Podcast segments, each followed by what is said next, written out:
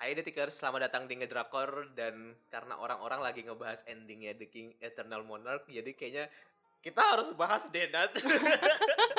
Kalau terpaksa gitu sih Ron? Soalnya kan kita dari awal udah bilang nih kalau kayaknya kayaknya kita nggak bakalan lanjut deh nonton ini gitu kan. Soalnya impression pertamanya tuh ketika nonton dua episode tuh kayak ini apa sih gitu Hmm. kan. Terus gue tuh sebenarnya juga agak patah-patah nontonnya. Jadi setiap Jumat Sabtu teman-teman gue bikin Netflix party buat nonton The King cuman untuk dikomentari bagian jelek-jeleknya doang Ya bukan buat dinikmatin gitu loh. Kayak cuman mereka nonton cuman buat kayak apaan sih ini? Ini apaan sih? Kayak gitu-gitu doang gitu. Tapi masyarakat kan suka banget ya sama drama ini gitu. Bahkan terakhir gue pernah interview Laura Basuki Laura Basuki juga bilang kalau dia tuh lagi nonton ini. Terus dia se- sebelum gue tanya kenapa nonton dia udah jawab duluan ini emang mix review banget sih pendapat orang-orang. Terus kayak iya emang mbak. Iya mbak. Bener mbak. Ini semua orang berpendapat yang beda-beda gitu. Jadi gue sama Nadia agak-agak uh, tidak percaya dengan kenyataan bahwa kok ini drama meledak sekali ya. Tapi emang sih dari awal kita udah bilang kalau ini efek cast sama efek penulis skenario. Makanya gue udah meninggalkan The King. Wah, Nadia binge watching keren banget. Emang drama guru yang satu ini dan kita akan mengundang salah satu uh, pendengar ngedrakor anggap aja dia pendengar ngedrakor ya walaupun dia nggak dengerin sebenarnya silakan memperkenalkan diri siapa nih bintang tamu kita hari ini Hai, halo, halo, halo. Dengan siapa di mana? Aku numpang lewat aja loh. Eh, eh, masa gue yang perkenalkan diri sih? Gue yang Iya diperkenalkan dong. gimana sih? Hai, gue Erin Deviana. Gue salah satu pecinta drakor The King Eternal Monarch. Khusus lagi. bagian Lee Min Ho ini. udah udah namanya nama panjang ditekenin lagi kalau dia adalah fans gitu jadi Erin ini adalah salah satu teman teman gue sama temennya dia di kampus dulu eh gila anak UI emang keren-keren banget ya suka drama Korea Isinya drakor semua. Kita tanya ke Erin dulu deh. Rin episode 16 Rin. Di satu sisi ada yang ngebahas mereka suka banget. Di satu sisi ada yang kayak ya udah biasa aja. Secara rating juga sebenarnya nggak terlalu yang gimana gimana banget. Tapi sebagai orang yang nonton dari awal yang yang lo ketika approach ke kita kayak bahas ini dong please gitu kan kesannya kayak bersemangat sekali gitu ya Rin ya. Gimana Rin? Episode 16 menurut lo gimana Rin? Apakah sudah merangkum semua uh, pertanyaan-pertanyaan yang sebelumnya belum terjawab akhirnya terjawab teori-teori lo tuh dibuktikan tuh gimana akhirnya ketika lo nonton Nggak, kalau menurut gue sih eh, episode 16 tuh kayak episode pamungkasnya gitu loh. Jadi dari emang sih bener banget review lo yang sebelumnya yang bilang pokoknya episode awal-awal tuh emang kentang banget sih. Kebayang nggak dari episode 1 sampai episode 4 tuh alurnya bener-bener lambat dan kalau lu skip satu episode aja itu tuh udah kayak yang ini tuh apa sih gitu. Kalau dilanjutin juga kayak males banget gitu karena Hmm, emang alurnya bener-bener selambat itu dan gak seru. Gue akuin sih episode awal itu nggak nggak seru banget. Tapi begitu di episode 16 itu tuh semua misteri yang lu pertanyakan itu bener-bener terjawab sih. Dan bahkan tuh bener-bener yang sampai kayak semacam plot twist gitu kalau versi gue ya. Dan itu tuh emang nggak nggak banyak banget sih yang kayak nggak menyangka gitu. Kalau ternyata tuh endingnya bakal kayak gini. Oke, plot twist apa yang lo temukan yang yang pada akhirnya bikin lo tuh jadi kayak jambak-jambak rambut gitu kayak wah kenapa gitu kok bisa gitu. Eh, ini kalau menurut gue eh, salah satu yang paling nggak disangka banget itu tokoh ibunya si Ligon yang di Republik Korea sih. Itu kan sepanjang awal film sebenarnya udah disempilin kan dia ada dia diculik ke Republik Korea terus eh, apa namanya? Dia tuh bener-bener kayak ditampilin hobi bunuh diri lah apa. Tapi orang-orang tuh Hmm. nggak nggak nangkep gitu kalau ini orang tuh nanti fungsinya tuh apa sih? Kayak cuma oh mungkin nanti dia bakal ditampilin buat nahan si Ligon biar pada saat misalkan mau nego pas mau bunuh-bunuhan kayak gitu deh tapi ternyata endingnya tuh kayak gitu gitu bener-bener dia itu yang jadi apa ya jalan keluarnya sampai bisa ada ending kayak begitu Eh, tadi lu bilang apa Rin? Si itu yang di Republik Korea ibunya Igon. enggak ibunya maksudnya eh, nama lainnya si Ligon si Jihun itu ya si Oh Bihun iya iya, gue kira yang aslinya kan emang udah meninggal kan yang di Republik Korea kan. Mm-mm, Makanya kan dia benar, ngomong, benar. Eh, kamu jangan terpengaruh sama aku, aku bukan ibumu gitu kan. yes benar Gila, Nadia nonton loh. Gimana Gimana Nat? nonton ini gue ngetes aja Nat? sebenarnya gue pikir lo gak nonton Nat Kalau lo Nat gimana? Akhirnya mengubah perspektif dan juga persepsi lo nggak terhadap drama ini? Eh, jujur kan Erin kan sempat ngomong ya kalau nggak salah ntar mulai eh, episode 6 ke atas seru kok gitu kan. Lu ngomong gitu ya kalau nggak salah yes Terus uh-uh. juga- nah, menurut lo gimana? si Desi ngomongnya "Eh, ntar di atas episode 11 gitu. Terus gue kayak hmm lama ya. Akhirnya gue coba nonton nonton sebenarnya menurut gue emang sih gue lebih setuju mulai agak serunya tuh di episode 11 setelah si Lunanya ini akhirnya mulai dilibatin ke konfliknya mereka kan Dunia itu, mu- yes, mulai betul. disuruh jadi buat ngambil hidupannya si siapa namanya Teol. hmm, Taeul kan. Jong Taeul sebenarnya menurut gue tuh lama bangetnya itu bukan cuma di 4 episode awal tapi dari di 10 episode awal gitu 10 cuy. 10 Wow. gue bahkan gue yang sangat eh, toleransi terhadap drama Korea dan pengen fokus nonton aja tuh ada momen-momen di mana gue aduh gue jadi pengen main HP gue jadi pengen ngeliatin cicak di dinding kayak aduh ini kapan sih kelarnya? gitu. Padahal tuh Iya, si iya, iya, Luna iya. ini tuh udah muncul dari episode 8 kan cuman kayak nggak dimainin dengan baik gitu. Kemunculannya tuh nggak dibuat yang bener langsung epic malah eh, diulur-ulur sampai di ah, di apa? Diajakin buat ke dunia seberangnya itu baru di episode 11 makanya kenapa kata iya Erin kan eh, iya abis di setelah itu episode belasan itu tuh emang terasa kenceng banget pacingnya jadi cepet.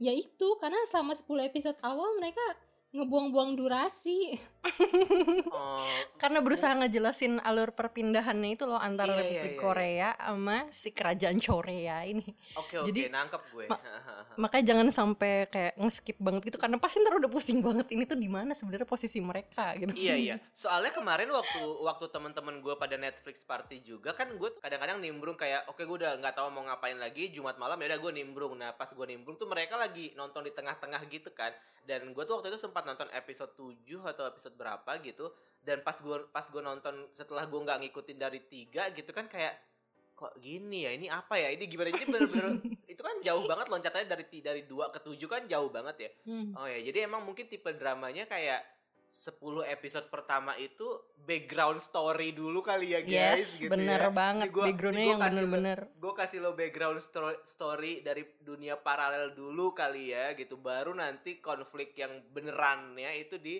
eh, 12 ke atas gitu. iya sih itu nyakitin hati banget sih sebenarnya.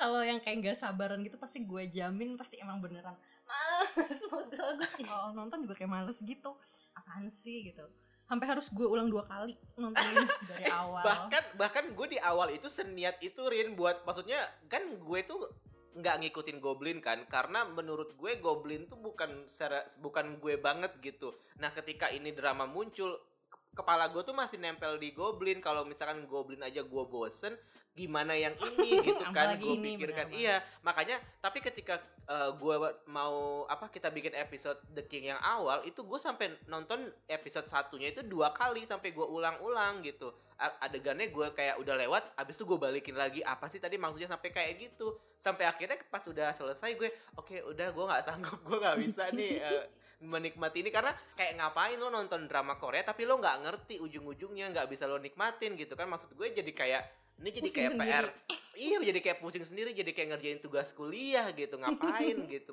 oke terus masing-masing tokoh ini kan banyak banget ya karena dunia paralel ada yang orang satu satu aktor peranin dua segala macam kan Benar. banyak nih eh, karakternya gitu gimana tuh pada akhirnya ada nggak sih karakter-karakter yang wah harusnya ini lebih bisa nih di, diselesaikan lagi konfliknya atau lebih dieksplor lagi atau pada akhirnya semuanya itu dapat justice gitu Rin. Menurut lo gimana? Menurut gue sih ini sih ada salah satu karakter yang kurang pengembangan padahal itu bisa jadi kayak story yang mendalam gitu sih. Si Sinjai tau gak Hmm. si Sinjai itu kan yang eh, temennya Taeul dari kecil ya kan? Yang dibawa dari kerajaan eh ke kerajaan Korea Republik Korea sama si Liling yang Nah, polisi nggak sih? Iya. yes benar. Iya iya iya. Itu tuh menurut gue harusnya bisa jadi apa ya? Kayak semacam eh, kata bukan kata apa sih kok berat banget bahasa gue kayak dia tuh harusnya kayak jadi bisa jadi karakter pamungkas gitu dia kan bener-bener suka sama si Taeul dari kayak dulu second Cuma- lead keren gitu ya Iya, se- harusnya begitu ya. Kalau maksud gue kalau di Hmm. drakor-drakor lainnya tuh bisa jadi apa kayak saingan banget sama si Ligon. Tapi di sini tuh kayak remeh, remeh temeh banget gitu loh. kalau di The Hairs kayak. Kim Woo Bin-nya gitu lah Iya, ya benar, harusnya ya. benar. ya oke oke Ini tuh malah jadi kayak bener-bener side dish doang gitu. kayak nggak penting, padahal ini penting. Jadi kayak gue agak kecewa sih sama karakter dia. Walaupun pas di episode terakhir tuh digambarinya bagus banget. Cuma kayak kayak nanggung gitu loh. Ini tuh sebenarnya drakornya keren, cuma karena durasinya kurang panjang. Oke, kurang oh my panjang. god oh my god Semua- iya, so masing-masing karakternya tuh nggak digambarin dengan baik. Maksudnya Oh. bener-bener pendalaman dramanya itu loh. Padahal ini bagus sih. Si Sinja itu kan bener-bener cinta banget sama Taewon. Tapi Iya. digambarin tuh cuma gitu doang gitu loh. Dan Iya, pas iya, iya. adegan yang ditolak sama si Taeulnya pas di udah menjelang episode terakhir itu, ya gitu doang. Jadi agak kurang berasa sedihnya sih kok kalau versi gue ya. Gue gak tau sih Nat tuh nangis gak Nat pas adegan dia ditolak gitu sama si Taeul. gue kayak gue mau nangis tapi kayak nanggung gitu kayak ah ini kok kayak kurang dalam gitu sih ceritanya. Padahal ini tuh patah hatinya parah. Iya, gue cuman sampai sakit tenggorokan doang sih, nggak. kayak kayak oh gini doang patah hatinya ya. Iya. Terus selain itu ada lagi nggak? Eh, kalau di catatan Nadia kan nih The Yo-Yo Boy. Nah ini kayaknya banyak orang yang bahas kan sebenarnya. Kayak gue tuh sempat ngelihat screen caps screen caps orang-orang yang kayak dari adegan-adegan sebelumnya sampai di adegan episode terakhir. Sebenarnya apa sih peran The Yo-Yo Boy ini dalam drama ini? Sebenarnya apa sih? Enggak, kalau menurut gue dia itu kayak penyeimbang dunia apa dua dunia gitu. Cuma ya gitu lagi yang gue bilang tadi pengembangan karakter tuh kurang ditonjolin gitu loh. Hmm. Sebenarnya dia itu kan suling yang berubah wujud ya. Terus baru ketahuan kalau dia itu bisa berubah wujud jadi orang dewasa tuh pas episode terakhir. Lu ngerasa aneh gak sih di situ? Oh, Nah, itu. dia itu suling yang patah itu dia. Yes. Teori-teorinya sih yang berkembang. Kayaknya maksudnya kayak lu apaan sih? Ma kurang kurang dalam aja kurang panjang makanya. Kok bisa suling jadi manusia gitu? itu sih salah satu yang gue juga sampai sekarang masih pusing masih nggak ngerti. Kebayang gak lo Cesar selama ini niup suling sulingnya jadi Keluar suling. Kayak oh sur horor banget selama ini dia niup manusia gitu. Dia kayak dewanya gitu loh. Mungkin dewa yang mendiami si suling itu apa gimana? Gue juga nggak paham. Oh, entitasnya ya, entitas Ah, ah, ajaib benar, misteri magic Cuma- gitu ya. Cuma iya maksudnya kayak agak maksa sih pas dimunculin penjelasannya di bagian akhir tiba-tiba ada kayak potongan dia jadi dewasa Mm-mm. dia berusaha mengatur waktu ya kan lu nonton itu aneh gak sih kayak hah, hah gue nggak nyambung nih otak gue nggak nyampe otak gue nggak nyampe guys Nah, dia gimana Nat? dari dari nasibnya si eh, tadi yang karakter yang sebelumnya dibahas sama Erin sampai yang si The Yoyo Boy gimana menurut lo? Nah si para karakter sih menurut gue, gue udah cukup puas ya. Maksudnya kita kan juga dikasih kesempatan buat berbahagia dan melihat semua tumbuh kembang karakter ini. Setelah si penjahatnya meninggal itu kan selama 30 menitan ya kalau nggak salah ya. Maksud gue kan ada tuh yang cuman bahagianya kok bentar banget setelah menderita selama iya benar belasan benar episode. benar. Bahagianya cuma berapa menit gitu. Kalau ini kan bener-bener lama gitu bahagianya sampai mereka udah kencan di antar dunia antar ruang waktu kayak gitu-gitu kan sweet banget kan emang memanjakan para minus kalau Yoyo Boy itu menurut gue sih emang dari awal gue udah ngira dia itu jin penunggu si suling ajaib ini gitu Hmm. soalnya kan ada yang nebak Tuhan atau Grim Reaper atau apa gitu cuman emang menurut Hmm. gue tuh penggambaran dia sebagai si penunggu manpa si Dewa joknya ini. Iya, gue penunggu banget bahasanya. si dewanya kuncen kuncen gak gak sesuatu gitu. Kan kalau di Goblin kan sempat ada juga kan, tapi dia kalau nggak salah bentuknya tuh si cewek yang kadang jadi nenek-nenek penjual di tepi jalan. Iya, bener. Iya kan? Iya, itu iya. dari awal kan udah dikasih tahu kan kalau ini tuh Iya. tiba-tiba jreng nongol gitu Mm-mm, kayak maksa banget maksud gue kalaupun si nggak ada The Yoyo Boy ini tuh nggak masalah gitu. bener banget Oh. itu sih loophole-nya kalau menurut gue itu di si Dewi Dewi si Dewa Dewi ini Hmm. agak kurang greget makanya gue bilang ini tuh kurang panjang sebenarnya Kalau menurut gue Rin justru cukup Rin Udah cukup panjang Rin Apanya lagi yang mau gue ngerasa dipanjangin kayak gue masih gue masih butuh penjelasan atas film-film film ini sih Oh, kalau- berarti nanti aduh. mungkin lo harus dibuatin episode spesial gitu kali Rin ya bener bener banget kalau nggak season 2 deh Mana- Iya. Season 2 gue agak penasaran nih. Rin, Ini tuh- mohon maaf, ini ratingnya aja episode 16 nggak bagus-bagus amat, Rin. Mau tapi season kan 2 ini- apa, Rin? Ini kan segmennya internasional, Bo. Netflix, Tetep dibelain Netflix, ya. Yoy. Tetep dong, gila, gila, gila. Tapi Netflix emang ngasih angin segar loh buat season 2 di beberapa gitu? medsosnya. Heeh, karena kan mungkin emang secara rating dia nggak bagus kan. Tapi kalau misalkan Mm-mm. dari eh, apa streaming di Netflixnya itu dia termasuk yang banyak. Nomor gitu. satu gak sih? Oh, Yes. harusnya makanya dari awal tuh menurut gue PH-nya itu ngejualnya langsung ke Netflix aja ya, jangan ke SBS ya. SBS bener-bener exposure tuh kurang gitu loh kayak Iya, kebanting sama soalnya- The World of the Married. Soalnya kalau ngelihat dari production company-nya itu juga kayak sama sama yang sebelum-sebelumnya gitu kayak Hai Bye Mama terus juga si Mm-mm. eh, Hotel de Luna yang kayak gitu-gitu kan sama nih Studio Dragon juga yang bikin maksud gue ya udah sekalian di Netflix aja soalnya kalaupun dia nggak laku di Eropa atau di Amerika at least Indonesia lah yang Indonesia, membesarkannya gila. gitu 250 juta penduduk Indonesia yang nonton drakor termasuk Dian Sastro dan Nicholas Saputra ini tuh bisa gitu buat membuat ini tuh lebih populer daripada SBS bikin gitu kan Hmm. Bener, Iya, iya, iya. bener banget. Itu 16 juta followers Lee Min Ho, gue rasa hampir 3 per 4 isinya orang Indonesia semua deh. termasuk yang ngejual-jual pelangsing tubuh ya iya iya itu iya aja udah cukup gitu. Tapi gue setuju sih kalau misalkan Netflix yang memproduksinya maksudnya kayak itu tadi Netflix kalau misalkan bikin ya udah gitu kan duit Netflix kan unlimited kan menurut gue Hmm. budgetnya. Jadinya kayak ya udah walaupun nih kalau uh, obrolan gue sama temen gue di podcast yang lain ada satu series net- Netflix yang judulnya Money Heist. Uh, kalau dari catatan yang obrolan di podcast itu Money Heist itu sebelum dan sesudah diproduksi Netflix lebih bagus yang sebelum diproduksi Netflix katanya. Jadi ini juga bakal gambling juga nih kalau Hmm. misalkan nanti season Oh, 2-nya diambil dipegang sama gitu ya. Netflix semua bisa jadi kayak makin ribet aja urusan kepala lo gitu menurut gue.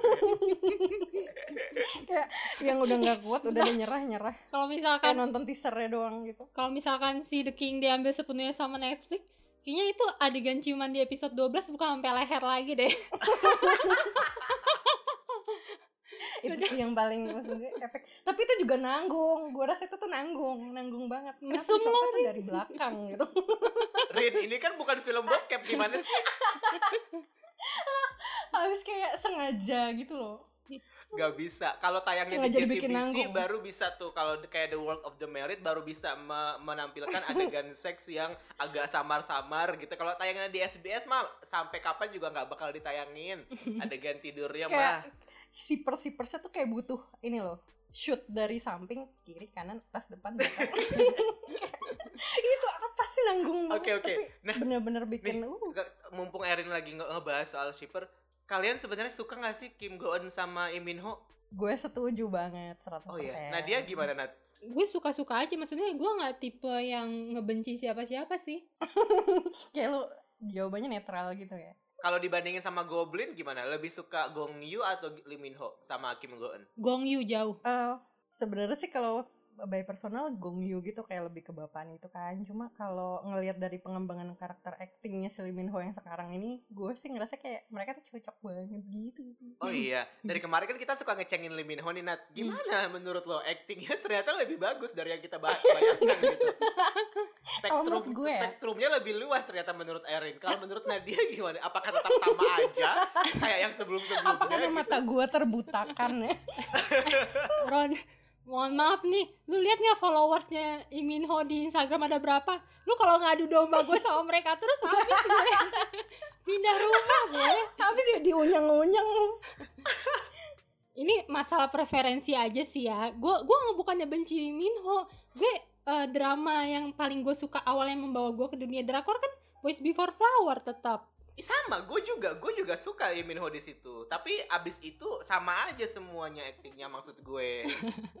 Nah iya dan menurut gue tuh kalau Gong Yoo itu actingnya tuh jauh lebih dapet walaupun emang gue jauh lebih eh, bisa halu ya kalau ngeliatin mukanya Imin Ho cuman ngeliatin Gong Yoo itu karakternya tuh kayak lebih hidup gitu loh. Dia tuh kayak nangisnya tuh bener nangis yang bikin hati gue tersayat gitu. Sedangkan kalau Imin Ho di beberapa eh, di episode berapa gitu ya dia sempat nangis. Episode 11 ya pertama kali dia nangis yang pas eh, pamannya meninggal pamannya yang baik. Itu kan dia sempat nangis cuman nangis ganteng gitu. Cuman kayak ada tetesan air yang jatuh. Habis itu pas dia teriak ngeraung pun langsung di ditarik kan kameranya nggak diliatin yang benar-benar ekspresi dia nangis jelek tuh kayak gimana? Nggak ada. Tapi menurut gue ada ada satu adegan dia menangis yang menurut gue ini sih agak kerasa gitu loh aktingnya. Waktu pas di depan gereja yang adegan tiba-tiba waktunya tuh berhenti terus si Taeul tuh kayak diliatin gitu dari jauh. Oh iya itu pas sih nah itu gue. baru kerasa banget sih kayak ah gitu. Oh, udah berubah nih aktingnya agak berkembang ya Allah jangan nggak masa bener-bener bisa bikin gue menangis gitu Tapi mungkin itu Melihat karena menangis. karena efek Oh. ini kali ya. Maksudnya eh, dia tidak dibuat sedramatis Goblin karena mungkin kalau Goblin kan tuh banyak banget penyesalan kan kayak Iya dia sih. udah hidup beratus-ratus tahun terus dia Iya, kayak benar. wah hidupnya udah berat banget jadi mungkin ketika dia nangis ya emang harus se- merasa kayak punya beban seribu tahun gitu kan Hmm. nangisnya Gong Yu sementara kalau Lee Min Ho udah hidup sebagai raja dari kecil gitu ya dari awal juga udah sok-sok gitu kan tampilan si Igon gitu kan jadi Oh. kalau dia nangis pun juga harus bersahaja gitu kali ya iya sih benar benar benar benar Iya bahkan kali dia ya. kan di awal-awal ngelihat dunia pintu terbuka aja dia biasa-biasa aja gitu kan. Iya kayak gitu. flat face aja gitu kayak, Oke karena gue udah mengidolakan Albert Einstein Jadi kayak gue sudah tahu ini akan Ini pasti terjadi Kayak terjadi. gitu gak sih? Kayak nyebelin banget Kayak dia serba tahu dunia gitu kesannya. Tapi tapi so far kalau dibandingin sama acting acting dia yang lain ini sih yang maksudnya kelihatan beda gitu. Biasanya kan emang dia selalu kayak main aman kan perannya. Iya nggak yang bikin kita kaget. Nah terus di sini tuh kayak jadi oh pria dewasa. Gitu.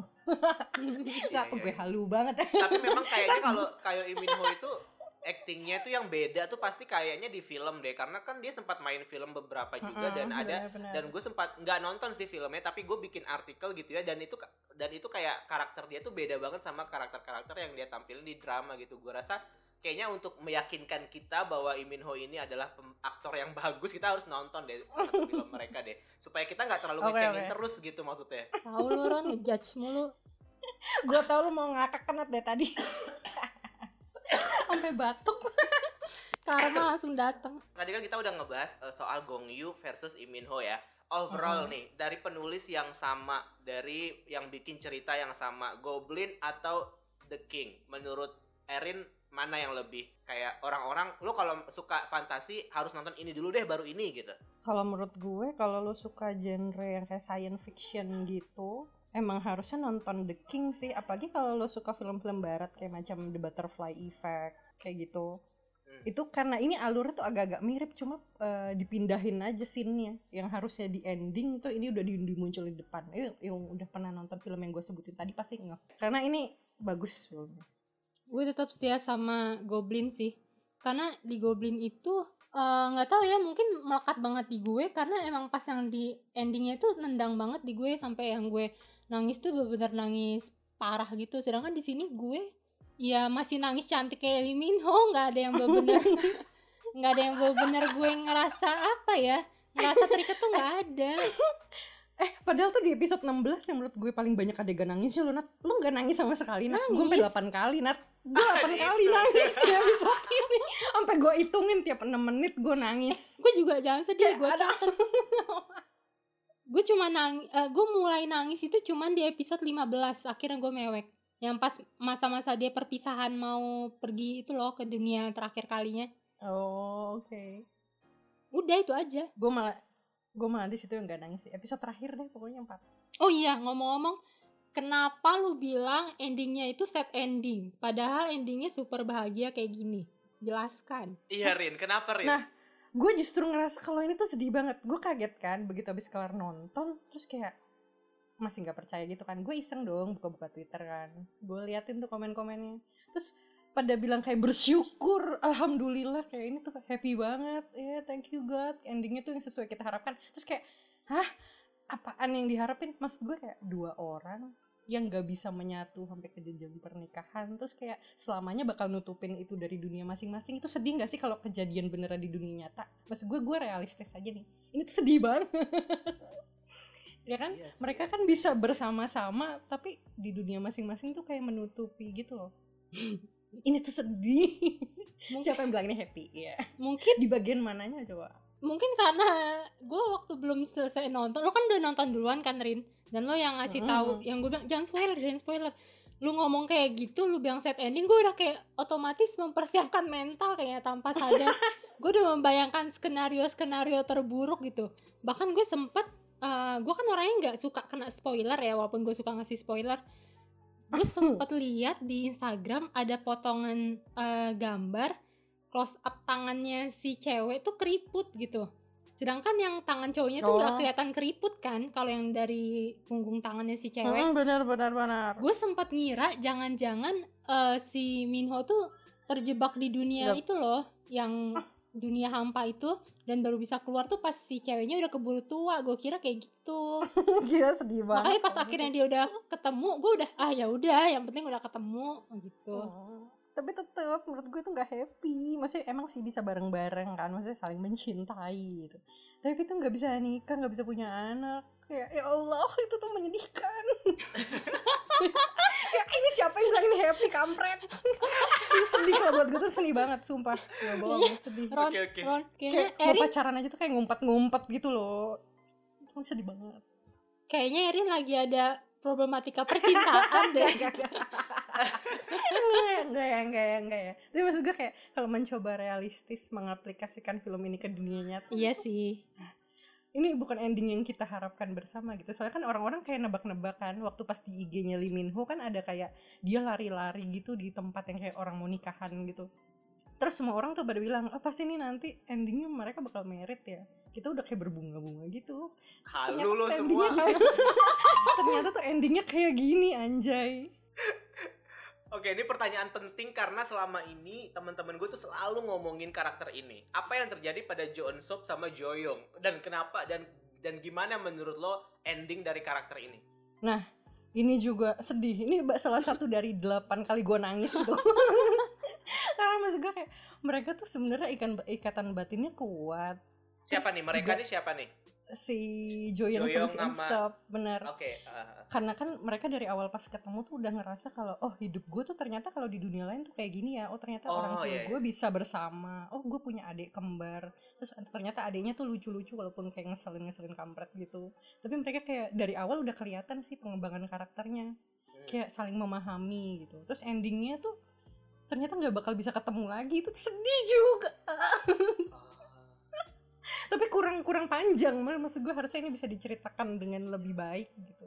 Dengan lebih baik lagi. Nah, dia Gitu gimana? sih. Ah, gue juga sedih sih yang waktu mereka berdua pisah itu kan waktu si Joyong mau ikut si raja itu. Dan menurut gue bromance-nya mereka berdua ini jauh lebih dapat dibanding bromance-nya Joyong sama si raja. Kan kita sempat di awal iya bener ya banget kan? Betul. Bromance. makanya itu lebih terasa bromance kita kan awalnya mana ini eh- bro. Ini bromance antara diri sendiri gitu maksud lo. iya. Itu mah gak bromance ya? Apa gimana ya? kayak kembar itu loh. terjebak dalam ruang dan waktu nih jadi di- gimana nih? Hwan memerankan dua karakter yang berbeda tapi bromance sama dirinya sendiri. Itu kayak kayak memuaskan diri sendiri gak sih? Kesannya tuh kayak itu definisi mencintai diri sendiri sih.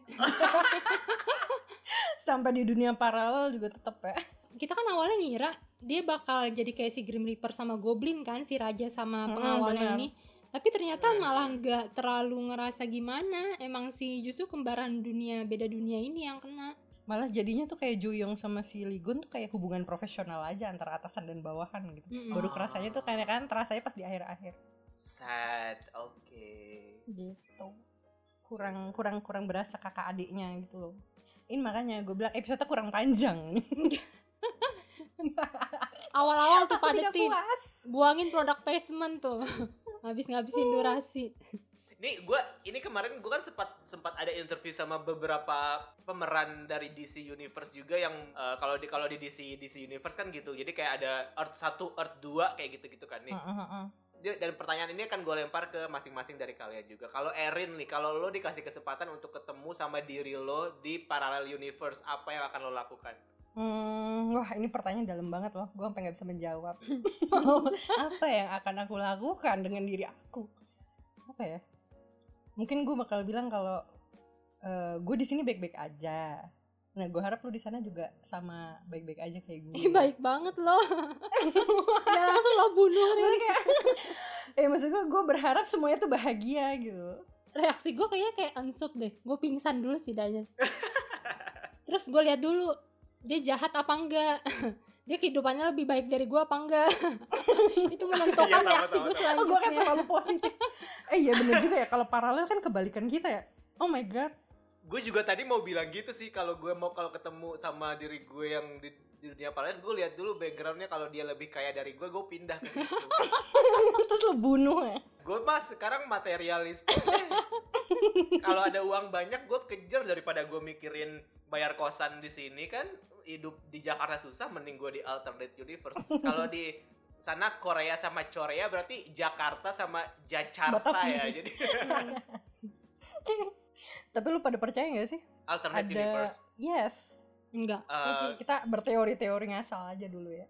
kalau gue sih percaya percaya aja sih. Seru aja gitu kesannya kalau misalkan beneran ada. Jadi kayak maksud gue kayak gue masih memberikan kesempatan possibility is limitless gitu kalau gue gue nggak percaya makanya Oke. tadi gue bilang reaksi pertama gue pasti pingsan lu mungkin salah satu yang bakal bunuh-bunuhan langsung sama ini kembaran lu nanti. Oke, jadi untuk sum up everything menurut Nadia sama Erin, mungkin Erin dulu kali ya buat orang-orang yang belum yakin nih, kan karena lo kan suka banget sama eh, drakornya gitu. Buat orang-orang yang belum yakin untuk mulai nonton, kenapa mereka harus nonton coba kalau menurut lo? Kalau lu suka jenis cerita yang gak lazim, ini bener-bener gak lazim guys. Jadi nggak seperti drama Korea pada umumnya yang maksudnya kayak langsung ketebak ini tuh bakal happy ending itu bakal alurnya pokoknya kayak langsung ketahuan nggak kalau The King ini tuh bener-bener tiap episodenya tuh lu nggak akan menyangka ternyata seperti itu gitu. Lu bisa berteori ngambil dari mana aja lu baca berjuta-juta teori dari internet tapi ternyata tuh nggak ada yang kejadian di film ini.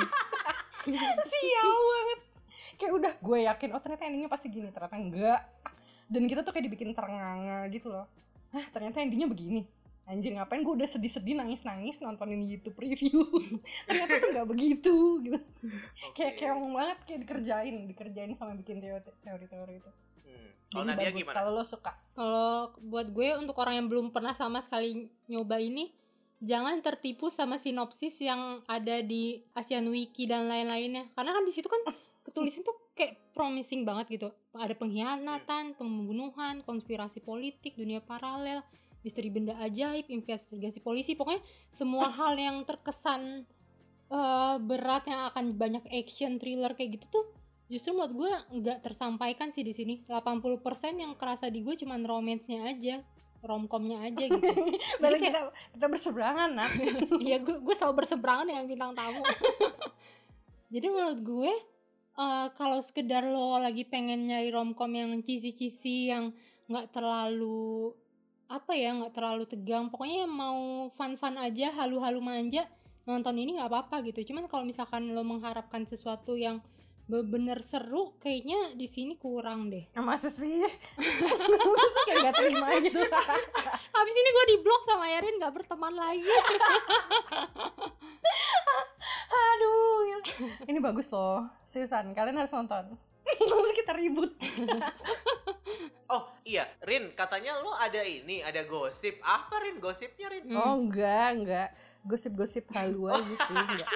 Enggak, enggak denger-denger sih katanya mereka berdua tuh kayak si Ligon, eh Kim Go Eun sama si Min Ho tuh beneran dating Oh, di Korea. Gue gitu. nggak tahu ya. Kan kan lu kan lu lebih update nih berita-berita Korea. Coba mungkin kalau tahu bisa spill the tea deh. Tapi denger-denger sih katanya lagi mulai kayak penjajakan gitu. Soalnya kalau misalkan lu perhatiin lu ke- yang kemarin gue bilang itu loh pada nonton BTS-nya nggak behind the scene-nya nggak kelihatan kelihatan banget nggak sih kalau lebih terasa natural banget jatuh cintanya tuh pas di behind the scene dibandingin di filmnya itu sendiri gitu.